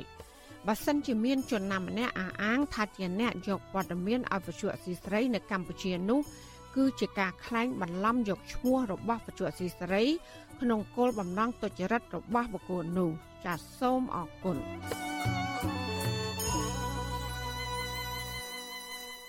ចាលោកនានីជាទីមេត្រីពាក់ព័ន្ធនឹងអំពើពុករលួយក្នុងជួររដ្ឋាភិបាលវិញមន្ត្រីសង្គមស៊ីវិលជំរុញអាជ្ញាធរត្រូវតែស្រាវជ្រាវរកខ្សែស្រឡាយរបស់មន្ត្រីពុករលួយថ្នាក់លើជុំវិញករណីយកលុយប្រជាពលរដ្ឋជាធ្នូនឹងការរត់ការចូលក្របខ័ណ្ឌរដ្ឋរបស់មន្ត្រីពន្ធនាគារម្នាក់នៅខេត្តបាត់ដំបងពួកគាត់ជឿឃើញថាករណីសុកប៉ាន់នឹងទទួលសំណូកក្រោមពាក្យថារដ្ឋការនេះមិនមែនទើបតែកាត់ឡើងនោះឡើយ។ ស្របពេលក្រសួងមហាផ្ទៃឲ្យដឹងថាខ្លួនកំពុងបើកការស៊ើបអង្កេត លើករណីមន្ត្រីពន្ធនាគារម្នាក់នៅខេត្តបាត់ដំបង បានយកលុយពីបរដ្ឋជាធ្នូនឹងការរត់ការចូលក្របខ័ណ្ឌរដ្ឋមន្ត្រីសង្គមស៊ីវិលមើលឃើញថាករណីនេះអាចមានជាប់ពាក់ព័ន្ធនឹងអ្នកផ្សេងទៀតក្រៅពីមន្ត្រីម្នាក់នោះប្រធានសមាគមការពារសិទ្ធិមនុស្សអាត6លោកនីសុខា ប្រាប់វិទ្យុអសីស្រី នៅថ្ងៃទី13ខែសុភា ថាជាធម្មតាការរត់ការដើម្បីបានចូលក្របខ័ណ្ឌនិងការប្រព្រឹត្តអំពើពុករលួយទទួលសំណូកបែបនេះมันអាចធ្វើឡើងតែម្នាក់ឯងបាននោះទេពោលគឺត្រូវតែមានគ្នាគ្នាដែលរៀបចំឡើងជាប្រព័ន្ធលោកបញ្ជាក់ថាទោះបីអ្នកសោកនិងអ្នកទទួលសំណូកត្រូវមានទោសដូចគ្នាតែអាជ្ញាធរត្រូវតែចាត់វិធានការលើមន្ត្រី ដែលទទួលសំណូកទាំងនោះឲ្យបានតឹងរឹងត្បិតពួកគេជាអ្នកអនុវត្តច្បាប់តែបែរជាបំពេញច្បាប់ទៅវិញ។ ពីព្រោះថាអ្នកដែលហ៊ាននៅក្នុងការរត់កិច្ចការងារហ្នឹងគឺថាទល់តែមានសំអាងមានថាតើគាត់នឹងយកលុយហ្នឹងទៅឲ្យអ្នកណាហើយអ្នកដែលគាត់យកឲ្យនោះគឺមិនមែនជាអ្នកធម្មតាទេអញ្ចឹងខ្ញុំគិតថាបើសិនជាយើងចាប់បានតែត្រីកភ្លៀងហើយចាប់បានតែត្រីចង្វាត្រីកញ្ចុះខ្ញុំគិតថានឹងយើងមិនអាចទៅលុបបំបាត់បានទេពីព្រោះថាអ្នកដែលនៅពីក្រោយខ្នងនៃអង្គើហ្នឹងវាមនុស្សគេហៅថាសិតតែមនុស្សដែលមានអំណាចពីព្រោះថាតលមានអំណាចបានអាចទៅធ្វើអីបានតាក់ទងនឹងរឿងអង្គើពុករលួយហ្នឹង ការស្នើសុំរបស់មន្ត្រីសង្គមស៊ីវិលនេះគឺបន្ទាប់ពីក្រសួងមហាផ្ទៃកំពុងបើកការស្រាវជ្រាវករណីមន្ត្រីពន្ធនាគារម្នាក់នៅខេត្តបាត់ដំបង ដែលបានយកលុយបរិវត្តជាធ្នូនឹងការរត់ការចូលក្របខ័ណ្ឌមន្ត្រីនគរបាល បរិវត្តមួយគ្រួសារនៅខេត្តបាត់ដំបងបានប្តឹងមន្ត្រីពន្ធនាគារគឺលោកត្រីសឹមសុខុនពីបទឆោបបោកលុយជិត100000ដុល្លារក្រោមហេតុផល ថាជួយរត់ការឲ្យពួកគេ បានចូលក្របខ័ណ្ឌមន្ត្រីនគរបាលជាតិកាលពីអំឡុងឆ្នាំ2021 ការសម្រេចដាក់ពាក្យបណ្ដឹងនេះដោយសារតែលោកត្រីសឹមសុខុនមិនបានប្រកួតប្រាក់ឲ្យវិញតាមការសន្យាក្រោយពួកគេមិនបានប្រឡងជាប់ចូលក្របខ័ណ្ឌតាមការធានារបស់លោកស្រី។តាមរយៈវីដេអូដែលប្រជាប្រដ្ឋរងគ្រោះបានថតទុកខណៈប្រកុលប្រាក់ឲ្យលោកស្រីសឹមសុខុនលោកស្រីបញ្ជាក់ថាប្រាក់នេះលោកស្រីមិនបានចាយវាយនោះទេដោយទុកសម្រាប់ឲ្យគេផ្សេងទៀតដែលលោកស្រីចង់តម្ដែងថ្នាក់លើរបស់លោកស្រី ជនរងគ្រោះបង្ខំប្រាប់ថាមន្ត្រីពន្ធនាគារខេត្តបាត់ដំបងលោកស្រីសឹមសុខុនបានប្រកបរបររត់ការចូលក្របខ័ណ្ឌមន្ត្រីរាជការនេះជាយូរមកហើយដែលមានបណ្ដាញមន្ត្រីថ្នាក់ស្រុកមួយចំនួនជាអ្នកណែនាំពាក្យថារដ្ឋការនេះ គឺជាការសូកប៉ាន់ជាប្រព័ន្ធដោយមន្ត្រីថ្នាក់ក្រោមជាអ្នកទទួលការពឹងពាក់ដើម្បីរដ្ឋការទៅមន្ត្រីថ្នាក់លើហើយមន្ត្រីថ្នាក់ក្រោមនឹងបែងចែកភាគលាភទៅឲ្យមន្ត្រីថ្នាក់លើបន្ត ពាក្យថារដ្ឋការនេះក៏មានប្រើដែរនៅក្នុងប្រព័ន្ធតុលាការដែលសម្ដៅទៅលើការសូកប៉ាន់ចៅក្រមដើម្បីឈ្នះក្តីឬក៏បាននៅក្រៅឃុំជាដើមទោះជាបែបនេះក្តីកន្លងមកការស៊ើបអង្កេតនិងការចាប់ខ្លួនមន្ត្រីដែលស៊ីឈ្នួលរដ្ឋការចូលក្របខ័ណ្ឌរដ្ឋនេះគឺធ្វើឡើងចំពោះតែមន្ត្រីថ្នាក់ក្រោមឬបុគ្គលតែម្នាក់មកទទួលខុសត្រូវប៉ុណ្ណោះរីឯមន្ត្រីពាក់ព័ន្ធផ្សេងទៀតមិនត្រូវបានស៊ើបអង្កេតនោះឡើយ។ ករណីសោកប៉ាន់នឹងទទួលសំណូកក្រោមពាក្យថារដ្ឋការនេះមិនមែនទើបតែកើតឡើងនោះឡើយបរដ្ឋម្នាក់នៅខេត្តបាត់ដំបងលោកសុគន្ធឲ្យដឹងថានៅពេលដែលលោកយកពាក្យប្រឡងចូលក្របខ័ណ្ឌថ្មី មានមន្ត្រីនគរបាលម្នាក់បានមកនិយាយបញ្ចុះបញ្ចូលលោកហើយនឹងមិត្តភ័ក្តិឲ្យបង់ប្រាក់ក្នុងម្នាក់ម្នាក់ចំនួន4000ដុល្លារជាថ្នូរនឹងការរត់ការឲ្យបានប្រឡងជាប់ លោកបន្តថានៅពេលនោះលោកសាក់ទើព្រោះគ្មានប្រាក់ហើយបន្ទាប់មកលោកក៏សម្រេចចិត្តបោះបង់ការប្រឡងចូលក្របខ័ណ្ឌនោះដោយសារតែអស់សង្ឃឹមនឹងប្រព័ន្ធពុករលួយនៅស្រុកខ្មែរគេដាក់តម្លៃអញ្ចឹងទៅហើយបើយើងអូខេមួយគេយើងតាក់ទងទៅទៅហើយគាត់រាប់ជូនទៅមេទៅអីអញ្ចឹងណាវិទ្យុអសីស្រីមិនអាចតាក់ទងអ្នកនាំពាក្យក្រសួងមហាផ្ទៃលោកខៀវសុភ័ក្រដើម្បីសុំការអធិប្បាយជុំវិញបញ្ហានេះបានទេ នៅថ្ងៃទី13ខែឧសភា ថ្លែងប្រាប់សារព័ត៌មានក្នុងស្រុកលោកខៀវសុភ័ក្រថាគណៈកម្មការវិន័យនៃអគ្គនាយកដ្ឋានពន្ធនាគារកំពុងស្រាវជ្រាវលើករណីនេះដោយបានកោះហៅមន្ត្រីពន្ធនាគាររូបនោះមកសាកសួរកាលពីថ្ងៃទី12ខែឧសភាជុំវិញរឿងនេះប្រធានមជ្ឈមណ្ឌលប្រជាប្រដ្ឋដើម្បីអភិវឌ្ឍនិងសន្តិភាព លោកយងកំឯងសង្កេតឃើញថាករណីស៊ីឈ្នួលរត់ការចូលក្របខ័ណ្ឌរដ្ឋនេះ គឺមានពីរករណីគឺករណីទី1គឺជារឿងឯកជនតាមរយៈការប្រើប្រាស់ទូនីតិ ដើម្បីបោកប្រាស់ប្រជាពលរដ្ឋចំណែកអករណីទី2វិញ គឺជាទម្រង់នៃអំពើពុករលួយជាប្រព័ន្ធដែលប្រព្រឹត្តដោយបកពួកឬខ្សែស្រឡាយលោកយល់ឃើញថាចំពោះករណីរដ្ឋការចូលក្របខ័ណ្ឌរដ្ឋនេះអាជ្ញាធរគួរស្រាវជ្រាវរងអ្នកពាក់ព័ន្ធទាំងអស់ ឲ្យមកទទួលខុសត្រូវចំពោះមុខច្បាប់ ដើម្បីកុំឲ្យមានករណីនេះកើតឡើងជាបន្តទៀតប៉ុន្តែបើសិនរឿងនោះវាមានជាប់រសេមសាមគ្នាច្រើនបាទដោយចម្លងកំពឹកអាហ្នឹងត្រូវតែធ្វើអង្កេតឲ្យរកឲ្យឃើញទាំងអស់ហ្នឹងបាទដើម្បីយកមកប្រន់ទាទោសបាទអត់អាចថាយកតែម្នាក់ហើយទុកឲ្យអ្នកដទៃរួចខ្លួនអត់ដែលរំភើយមានសេរីភាពក្រៅសំណាញ់ច្បាប់ទេបាទដូច្នេះគឺការពិភាក្សានឹងអំពើពុលួយនោះมันអាចបានជោគជ័យទៅបានទេបាទ របាយការណ៍របស់អង្គការដំឡាភិបអន្តរជាតិឆ្នាំ2022បង្ហាញថាស្ថានភាពអំពើពុករលួយនៅកម្ពុជា គឺស្ថិតនៅចំណាត់ថ្នាក់ទី150ក្នុងឆ្នាំ2022ក្នុងចំណោមប្រទេសនិងដែនដីសរុបចំនួន180ចំណាត់ថ្នាក់នេះបញ្ជាក់ថាស្ថានភាពអំពើពុករលួយនៅកម្ពុជា គឺនៅតែមានសភាពធ្ងន់ធ្ងរនៅឡើយ។ ចាលោកណានីជាទីមេត្រីនាងខ្ញុំសូមជម្រាបជូនថាវັດឈូអសីស្រី ចាប់ផ្ដើមការផ្សាយផ្ទាល់កម្មវិធីព័ត៌មានទាំងពេលព្រឹកនិងពេលយប់ជាផ្លូវការនៅលើបណ្ដាញសង្គមថ្មីមួយទៀតគឺបណ្ដាញសង្គម Telegram ចាប់ផ្ដើមពីខែមេសានេះតទៅចាលោកណានៀងអាចស្វែងរក Telegram ផ្លូវការរបស់វិទ្យុអសីស្រី ដោយស្វែងរកពាក្យថាវិទ្យុអសីស្រីឬ RFA ខ្មែរនៅលើទូរស័ព្ទដៃរបស់លោកណានៀង។ ការ Telegram ផ្លូវការរបស់វិទ្យុស៊ីស្រីមានសញ្ញាថឹកដែលជាសញ្ញាសម្គាល់ចាក្រុមការងាររបស់វិទ្យុស៊ីស្រីនឹងព្យាយាមរិះរកមធ្យោបាយថ្មីថ្មីបន្ថែមទៀតដើម្បីផ្ដល់ភាពងាយស្រួលដល់លោកនាងក្នុងការស្ដាប់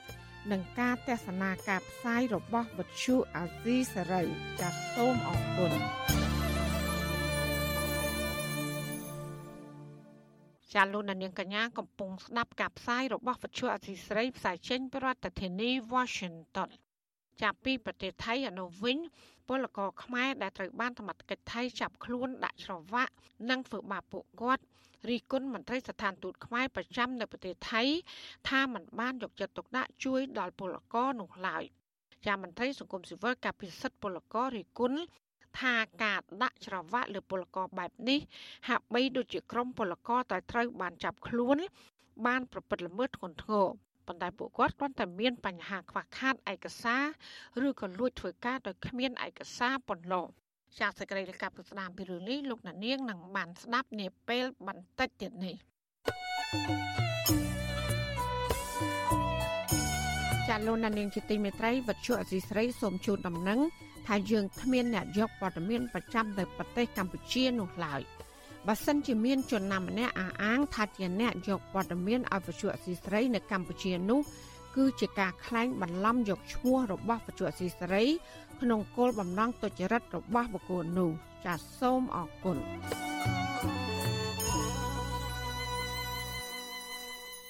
ចាលោកដានីលជាទីមេត្រីតកតងនឹងបាត់ល្មើសព្រៃឈើនៅឯខេត្តព្រះវិហារនៅវិញ សមាគមបណ្ដាញយុវជនកម្ពុជាបានចេញរបាយការណ៍ស្រាវជ្រាវមួយដោយបានរកឃើញថាការកាប់ឈើប្រណិត និងការកាប់ទន្ទ្រានដីព្រៃនៅក្នុងដែនជំរកសត្វព្រៃឡង់គឺនៅតែបន្តកើតឡើងពួកគាត់បានរកឃើញបាត់ល្មើសចំនួន129ករណីនិងការកាប់ទន្ទ្រានដីព្រៃ3កន្លែង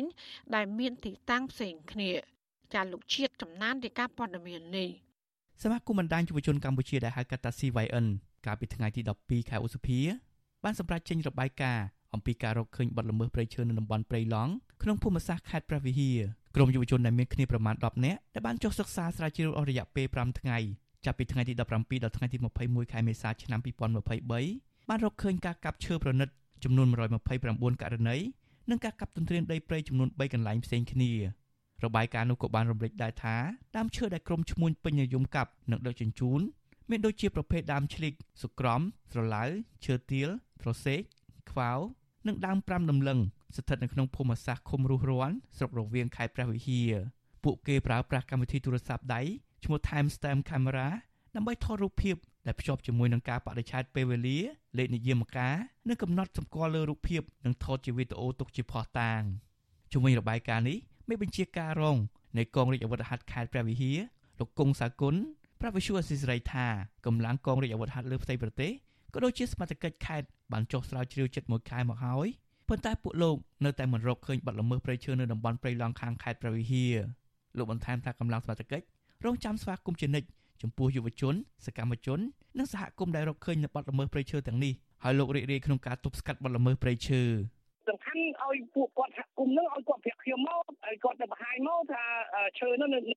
អីទៅនេះដឹកមិនមិនអានឹងខ្ញុំនឹងរីការជូនទៅថ្នាក់លើថែមទៀតសំខាន់ពួកគាត់មកមកមកមកសហការមកខ្ញុំមកឲ្យសហការដឹកមកមកមកប្រហែលអ្នកមកដើម្បីខ្ញុំឲ្យខ្ញុំ4 10នាក់ដើម្បីចោះជាមួយគាត់ឲ្យដឹងគោលដៅនោះឲ្យច្បាស់លាស់មកបណ្ដាញសហគមន៍ព្រៃឡង់អង្គការជាតិនិងអន្តរជាតិធ្លាប់ចេញរបាយការណ៍ជាបន្តបន្ទាប់អំពីការកាប់បំផ្លាញព្រៃឈើនៅតំបន់ព្រៃឡង់ ដែលជាប់ពាក់ព័ន្ធជាមួយឈ្មួញឈើធំធំដែលមានទូនាទីក្នុងជួររដ្ឋាភិបាលព្រមទាំងមានជាប់ពាក់ព័ន្ធជាមួយនឹងមន្ត្រីរដ្ឋាភិបាលរបស់លោកហ៊ុនសែនតើតើនៅរបាយការណ៍នេះយុវតីម្នាក់ដែលបានចុះស្រាវជ្រាវកញ្ញាដាំសុកស្រីនាងប្រាប់វិសុយអសិរ័យថាពួកគេសោកស្ដាយនៅពេលដែលដើមឈើមូលធំធំនៅក្នុងតំបន់ការពារមានការកាប់បំផ្លាញដោយមិនមានការទប់ស្កាត់ពីមន្ត្រីអភិរក្សនៅតំបន់នោះយុវតីរូបនេះបន្ថែមថាពួកគេស្វាគមន៍ក្នុងការសហការជាមួយនឹងមន្ត្រីរដ្ឋាភិបាល ក្នុងការទប់ស្កាត់បទល្មើសព្រៃឈើនៅតំបន់ព្រៃឡង់មិនតែប៉ុណ្ណោះយុវតីរូបនេះសង្ឃឹមថាគណៈកម្មការជាតិនឹងយករបាយការណ៍របស់ពួកគេធ្វើជាភស្តុតាងនិងតម្រុយដើម្បីស្វែងរកអ្នកដែលជាប់ពាក់ព័ន្ធនិងអ្នកប្រព្រឹត្តបទល្មើសព្រៃឈើនៅតំបន់ការពារមួយនេះទី1គាត់អាចយកលេខយមការទាំងអស់ហ្នឹងដែលពួកយើងចេញយកទៅ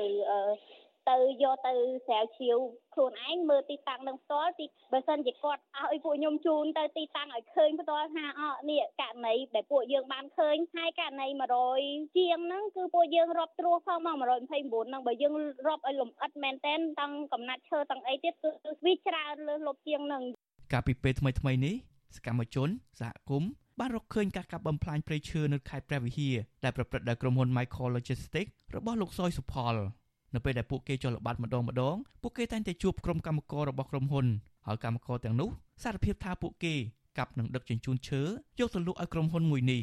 ដែលក្រុមហ៊ុននេះធានាសុវត្ថិភាពនៅពេលដែលមានការចុះបង្ក្រាបពីសមត្ថកិច្ចដែនចម្រោកសត្វព្រៃឡង់ជាប់ខេត្ត4គឺខេត្តប្រចេះស្ទឹងត្រែងព្រះវិហារនិងខេត្តកំពង់ធំ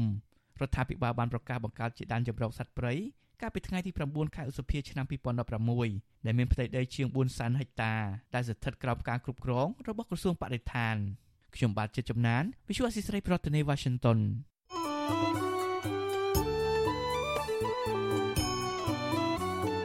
ាលោកដានៀងជាទីមេត្រីក្នុងឱកាសនេះដែរនាងខ្ញុំសូមថ្លែងអំណរគុណ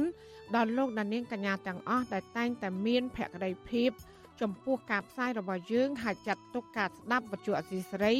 គឺជាផ្នែកមួយនៃសកម្មភាពប្រចាំថ្ងៃរបស់លោកអ្នកការគ្រប់គ្រងរបស់លោកដានៀងនេះហើយដែលធ្វើយើងខ្ញុំមានទឹកចិត្តកាន់តែខ្លាំងថែមទៀតក្នុងការស្វែងរកនិងផ្តល់ព័ត៌មានជូនដល់លោកដានៀងចាំមានអ្នកស្ដាប់អ្នកទេសនាកាន់តែច្រើនកាន់តែធ្វើយើងខ្ញុំមានភាពស្វាហាប់មោះមុតជាបន្តទៀតចាយើងខ្ញុំសូមអរគុណទុកជាមុន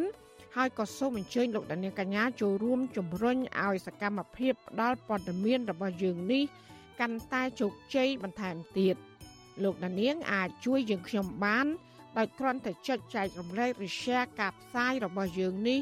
នៅលើបណ្ដាញសង្គម Facebook និង YouTube ទៅកាន់មិត្តភ័ក្តិដើម្បីឲ្យការផ្សាយរបស់យើងនេះបានទៅដល់មនុស្សកាន់តែច្រើនចាសសូមអរគុណ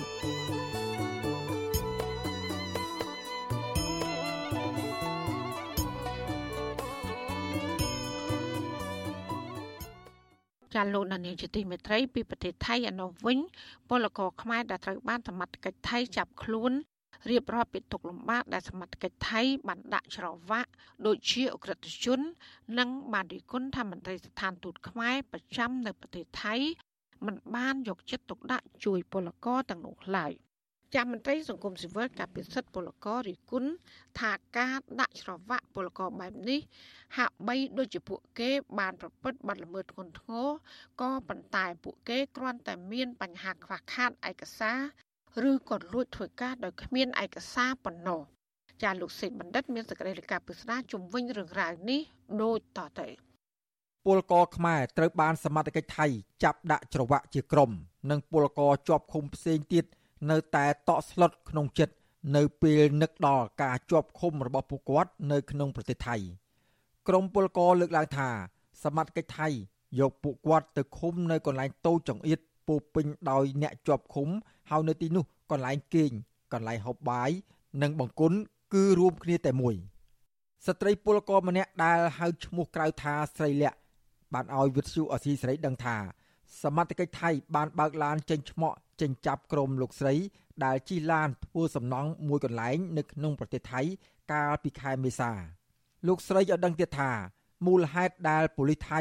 ដេញចាប់ឡានលោកស្រីព្រោះឡានដឹកកម្មករនោះគ្មានស្លាកលេខហើយសមត្ថកិច្ចត្រួតពិនិត្យរកឃើញថាក្រុមលោកស្រីមិនមានឯកសារធ្វើការងារគ្រប់គ្រាន់ក៏ត្រូវសមត្ថកិច្ចថៃចាប់ដាក់ច្រវាក់ដៃលោកស្រី និងពលករជាង10នាក់ផ្សេងទៀតហើយដឹកតាមឡានយកទៅឃុំ លោកស្រីរំលឹកថាឲ្យទៅនឹកដល់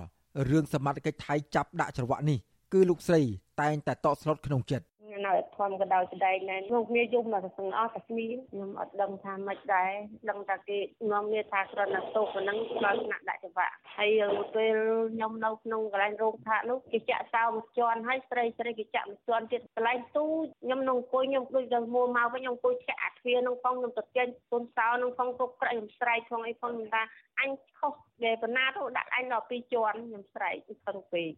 ស្ត្រីពលកររូបនេះរៀបរាប់ទៀតថា សមត្ថកិច្ចថៃបានយកលោកស្រី និងពលករខ្មែរផ្សេងទៀតទៅឃុំខ្លួនក្នុងបន្ទប់ឃុំឃាំងមួយកន្លែង ដែលមានបណ្ដោយជាង5ម៉ែត្រនិងទទឹងជាង4ម៉ែត្រក្នុងនោះមានអ្នកជាប់ឃុំជាជនជាតិខ្មែរនិងជនជាតិផ្សេងទៀតជាង50នាក់លោកស្រីបន្តទៀតថា អ្នកជាប់ឃុំនៅទីនេះត្រូវគេងប្រជ្រៀតគ្នាហើយនៅក្នុងបន្ទប់នោះទាំងកន្លែងគេងកន្លែងហូបបាយនិងបង្គន់គឺរួមគ្នាតែមួយ ហើយបង្គន់នោះគ្មានទ្វារបិទបាំងចិត្តនោះទេ លោកស្រីបន្តថាអាហារដែលសមត្ថកិច្ចថៃផ្ដល់ឲ្យនោះពិបាកហូបចំណែកទឹកគឺត្រូវផឹកទឹកចម្រោះពីតយោតែបើអ្នកជាប់ឃុំណាមានលុយអាចទិញទឹកនិងទិញបាយនៅកន្លែងជាប់ឃុំនោះបាន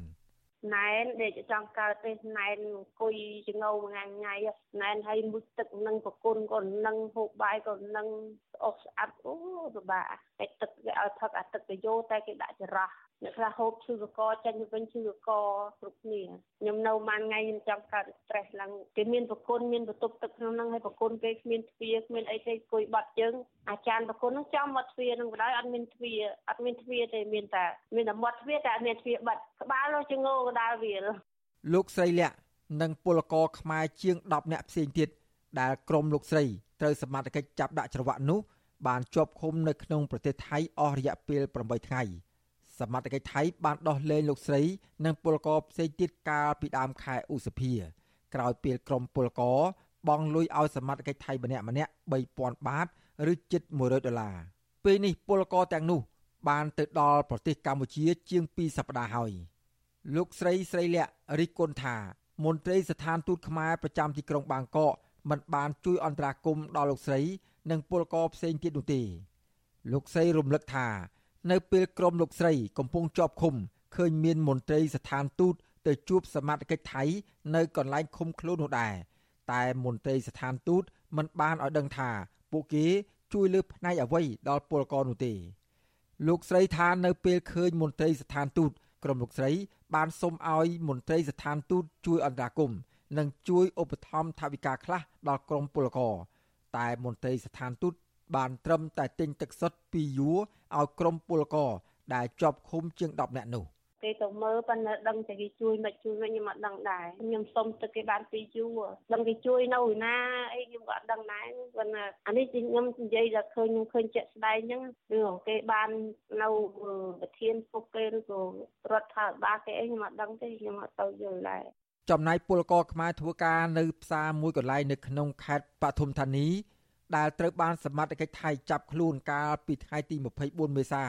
លោកព្រំប៊ុនថនបានឲ្យវិទ្យុអសីសេរីដឹងដែរថាសមត្ថកិច្ចថៃបានឃុំខ្លួនលោកជាមួយពលករជាង30នាក់នៅបន្ទប់តូចង្អៀតនិងគ្មានអាហារហូបចុកគ្រប់គ្រាន់នោះទេលោកព្រំប៊ុនថនក៏ត្រូវបានសមត្ថកិច្ចដោះលែងមកវិញដែរក្រោយពេលថៅកែរបស់លោកបង់ប្រាក់មួយចំនួនទៅឲ្យសមត្ថកិច្ចថៃ ហើយពេលនេះលោកកំពុងធ្វើការងារនៅកន្លែងរបស់លោកដដែល។ ខ្ញុំក៏ក៏មានយោបល់ចឹងដែរវាអាក្រក់មើលគ្រាន់តែយើងធម្មតាតែជនអន្តោប្រវេសន៍ប៉ុណ្ណឹងមើលទៅតែយើងខុសច្បាប់ជនអន្តោប្រវេសន៍ប៉ុណ្ណឹងយើងដល់ដាក់ច្បាប់វាអាក្រក់មើលមែនក៏សំណុំពរខាងអង្គការសហជីវជាតិឬក៏អង្គការណាមួយទូទាំងពិភពលោកនេះបើអាចសំណុំពរបានខាងអាជ្ញាធរថៃអាហ្នឹងក៏សំណុំពរបានខ្ញុំក៏ជួយត្រេកអរសម្រាប់ប្រជាពលរដ្ឋខ្មែរយើងដែលមករស់នៅនៅស្រុកគេដែរអង្គការឃ្លាំមើលសិទ្ធិមនុស្សអន្តរជាតិ ចាត់ទុកសកម្មភាពសមត្ថកិច្ចថៃដាក់ច្រវាក់ក្រុមពលករខ្មែរបែបនេះថាជាការរំលោភសិទ្ធិមនុស្សនាយករងប្រចាំតំបន់អាស៊ីនៃអង្គការឃ្លាំមើលសិទ្ធិមនុស្សអន្តរជាតិលោក Phil Robertson ថ្លែងថាទង្វើសមត្ថកិច្ចថៃបែបនេះជាការប្រមាថមើលងាយពលករខ្មែរដោយសារធាតុអង្គការសង្ត្រាល់រកឃើញថាពលករខ្មែរភៀសច្រើនត្រូវបានសមត្ថកិច្ចថៃចាប់ខ្លួន ពួកគាត់ត្រូវរងការធ្វើទុកទោសទរណកម្ម ដោយការចាប់ដាក់ខ្នោះនិងត្រូវដាក់ឲ្យជាប់ឃុំក្នុងបន្ទប់តូចចង្អៀតសេចក្តីថ្លែងការណ៍របស់អង្គការសង្ត្រាល់ចុះកាលពីថ្ងៃទី3ខែឧសភាឲ្យដឹងថា នៅរយៈពេលចុងក្រោយនេះពលករខ្មែរជាង800នាក់ត្រូវបានសមត្ថកិច្ចថៃចាប់ខ្លួនអំឡុងពេលធ្វើដំណើរវិលត្រឡប់ទៅបំពេញការងារវិញ នៅក្នុងប្រទេសថៃក្រោយចប់បន់ជោឆ្នាំថ្មី និងចាប់ខ្លួននៅកន្លែងដែលពលករធ្វើការងារ។ មន្ត្រីផ្នែកការងារសិទ្ធិពលករចំណាក់ស្រុកនៃអង្គការសង្ត្រាល់ប្រចាំនៅប្រទេសថៃ លោកលឹងសុផុនប្រាប់វិទ្យុអាស៊ីសេរីនៅថ្ងៃទី13ឧសភាថា ពលករខ្មែរដែលសមត្ថកិច្ចថៃចាប់ខ្លួនទាំងនោះភ ieck ច្រើនត្រូវបានដោះលែងវិញហើយលោកឲ្យដឹងទៀតថាតាមច្បាប់ប្រទេសថៃ ចំពោះអ្នកជាប់ឃុំស្រាលស្រាលឬពលករបរទេសធ្វើការងារខុសច្បាប់នៅក្នុងប្រទេសថៃជាប់ឃុំត្រឹមរយៈពេល45ថ្ងៃ គឺសមត្ថកិច្ចថៃនឹងបញ្ជូនអ្នកជាប់ឃុំទាំងនោះទៅប្រទេសកំណើតវិញអ្នកការពារសិទ្ធិពលកររូបនេះឲ្យដឹងទៀតថាចំពោះអ្នកដែលបន្តជាប់ឃុំនៅក្នុងប្រទេសថៃព្រោះពួកគេគ្មានប្រាក់បង់ឲ្យសមត្ថកិច្ចគ្មានថៅកែមកធានានិងមិនទទួលបានការជួយធ្វើអន្តរាគមន៍ពីមន្ត្រីស្ថានទូតខ្មែរប្រចាំប្រទេសថៃហើយអ្នកខ្លះទៀតសំណុំរឿងពួកគាត់ត្រូវឡើងតុលាការ។ បើតាមតែរូបភាពដែលដាក់ចង្វាក់ដាក់អីអញ្ចឹងយើងគិតថាគាត់ជាទោសកម្រិតធ្ងន់អញ្ចឹងណាតែបើសិនជាទោសធម្មតាវិញវាមិនគួរឲ្យទៅដល់ដាក់ចង្វាក់ដាក់អីហើយដល់វាយខ្នោះហើយដាក់អញ្ចឹងទេព្រោះព្រោះកន្លងមកដែលយើងជាប់ធម្មតាដោយខ្វះឯកសារខ្វះអីហ្នឹងគ្រាន់តែការហាមឃាត់ពួកគាត់ហើយឲ្យនៅក្នុងទីគុំខាំងអញ្ចឹងតាក់ទោរឿងនេះ វិទ្យុអាស៊ីសេរីនៅពុំទាន់អាចសូមបំភ្លឺពីមន្ត្រីអនុព័ន្ធការងារនៃស្ថានទូតកម្ពុជាប្រចាំប្រទេសថៃ គឺលោកឈឹមវិបុលនិងអ្នកនាំពាក្យក្រសួងការបរទេសលោកអានសុខឿនបានទេ នៅថ្ងៃទី13ខែឧសភាចំណែកអ្នកនាំពាក្យគណៈបកប្រជាជនកម្ពុជា លោកសុកអេសានយល់ថាករណីសមត្ថកិច្ចថៃចាប់ពលករខ្មែរជាបន្តបន្ទាប់ជាង1ខែមកនេះគឺជាការអនុវត្តច្បាប់របស់សមត្ថកិច្ចថៃ ទោះយ៉ាងណាលោករំពឹងថានៅពេលពលករខ្មែរធ្វើការនៅប្រទេសថៃជួបបញ្ហាដូចនេះមន្ត្រីស្ថានទូតខ្មែរនឹងជួយធ្វើអន្តរាគមន៍ ខ្ញុំយល់ថាអញ្ញាធរថៃគេធ្វើតាមច្បាប់របស់គេត្រង់ថាយើងមើលឃើញថាវាមិនគួរក៏បីយ៉ាងណាអានឹងជារឿងយើងទេក៏ប៉ុន្តែគេអនុវត្តទៅតាមគោលការណ៍ច្បាប់របស់ថៃអញ្ចឹងយើងគ្មានអ្វីក្រៅអំពីការទៅតំណាក់តំណងជាមនោសញ្ចេតនាដើម្បីឲ្យគេដោះលែងបងប្អូនត្រឡប់មកស្រុកកំណើតវិញបើទោះបីជាមន្ត្រីជាន់ខ្ពស់បកកណ្ដាលអំណាចរំពឹងបែបនេះក្តីក៏ពលករដែលត្រូវសមត្ថកិច្ចថៃចាប់ខ្លួន បានឲ្យវិទ្យុអាស៊ីសេរីដឹងថា មន្ត្រីស្ថានទូតខ្មែរមិនបានជួយអ្វីដល់ពួកគេនោះទេហើយប្រសិនបើពលករទាំងនោះគ្មានប្រាក់បង់ឲ្យទៅសមត្ថកិច្ចថៃឬគ្មានថៅកែបង់ប្រាក់ធានានោះទេ គឺពួកគេនៅជាប់ឃុំក្នុងពន្ធនាគារនៅឡើយទេលោកស្រីស្រីលក្ខប្រាប់វិទ្យុអាស៊ីសេរីដែរថា កាលពីលោកស្រីកំពុងជាប់ឃុំ លោកស្រី បានលួចផ្ញើសារជាសម្លេងតាមបណ្ដាញសង្គម Facebook ចេញមកក្រៅ ថាមន្ត្រីស្ថានទូតខ្មែរមិនបានជួយធ្វើអ្វីដល់អ្នកជាប់ឃុំទេ តែពេលនោះ មានមន្ត្រីស្ថានទូតដឹងរឿងនេះ ហើយប្រមានអ្នកជាប់ឃុំថា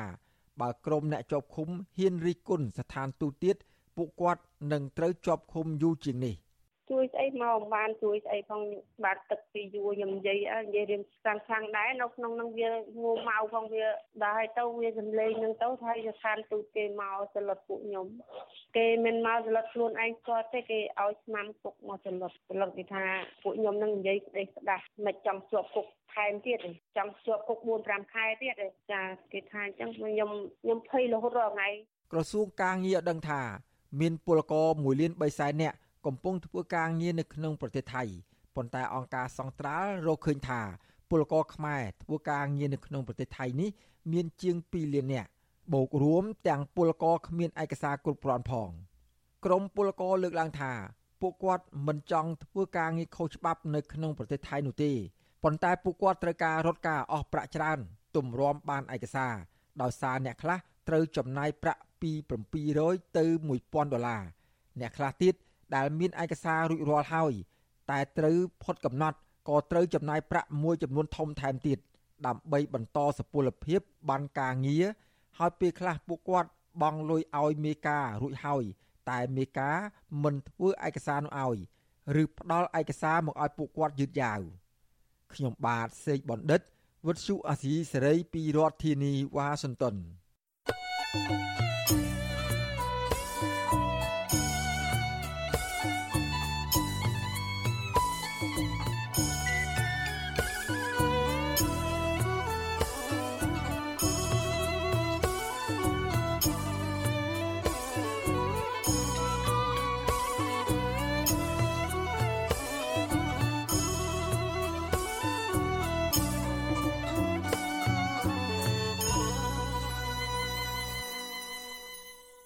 ចាលោកលានកញ្ញាអ្នកស្ដាប់ជាទីមេត្រីការផ្សាយរយៈពេល1ម៉ោងរបស់វិទ្យុអាស៊ីស្រីជាភាសាខ្មែរនៅពេលនេះចាប់តែប៉ុណ្ណេះ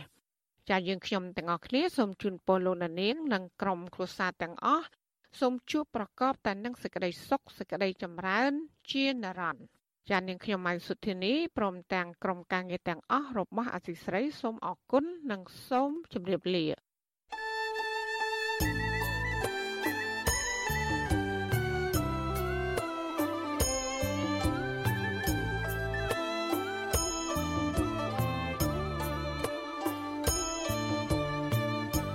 វិទ្យុអាស៊ីសេរីផ្សាយតាមរលក ធាតុអាកាសខ្លីតាមកម្រិត និងកម្ពស់ដូចតទៅនេះពេលព្រឹកចាប់ពីម៉ោង5កន្លះដល់ម៉ោង6កន្លះតាមរយៈប៉ុស SW 12.14 MHz ស្មើនឹងកម្ពស់ 25m និងប៉ុស SW 13.71 MHz ស្មើនឹងកម្ពស់ 22m ពេលយប់ចាប់ពីម៉ោង7កន្លះដល់ម៉ោង8កន្លះតាមរយៈប៉ុស SW 9.33 MHz ស្មើនឹងកម្ពស់ 32m ប៉ុស SW 11.88 MHz ស្មើនឹងកម្ពស់ 25m និងប៉ុស SW 12.14 MHz ស្មើនឹងកម្ពស់ 25m លោកអ្នកនាងក៏អាចស្ដាប់និងទស្សនាការផ្សាយផ្ទាល់នៅលើគេហទំព័ររបស់ Vuthu Azizi Saray តាមរយៈអាស័យដ្ឋាន rfa.org/ ខ្មែរក្រៅពីនេះលោកអ្នកនាងក៏អាចអាននិងទស្សនាព័ត៌មាន Vuthu Azizi Saray លើទូរស័ព្ទដៃរបស់លោកអ្នកផ្ទាល់ សូមលោកអ្នកនាងដំឡើងកម្មវិធី Vithu Azisari នៅលើទូរស័ព្ទដៃរបស់លោកអ្នកនាងឬស្វែងរក Vithu Azisari នៅលើ YouTube ឬ Facebook ដោយស្វែងរកពាក្យថា Vithu Azisari ឬ RFA ខ្មែរ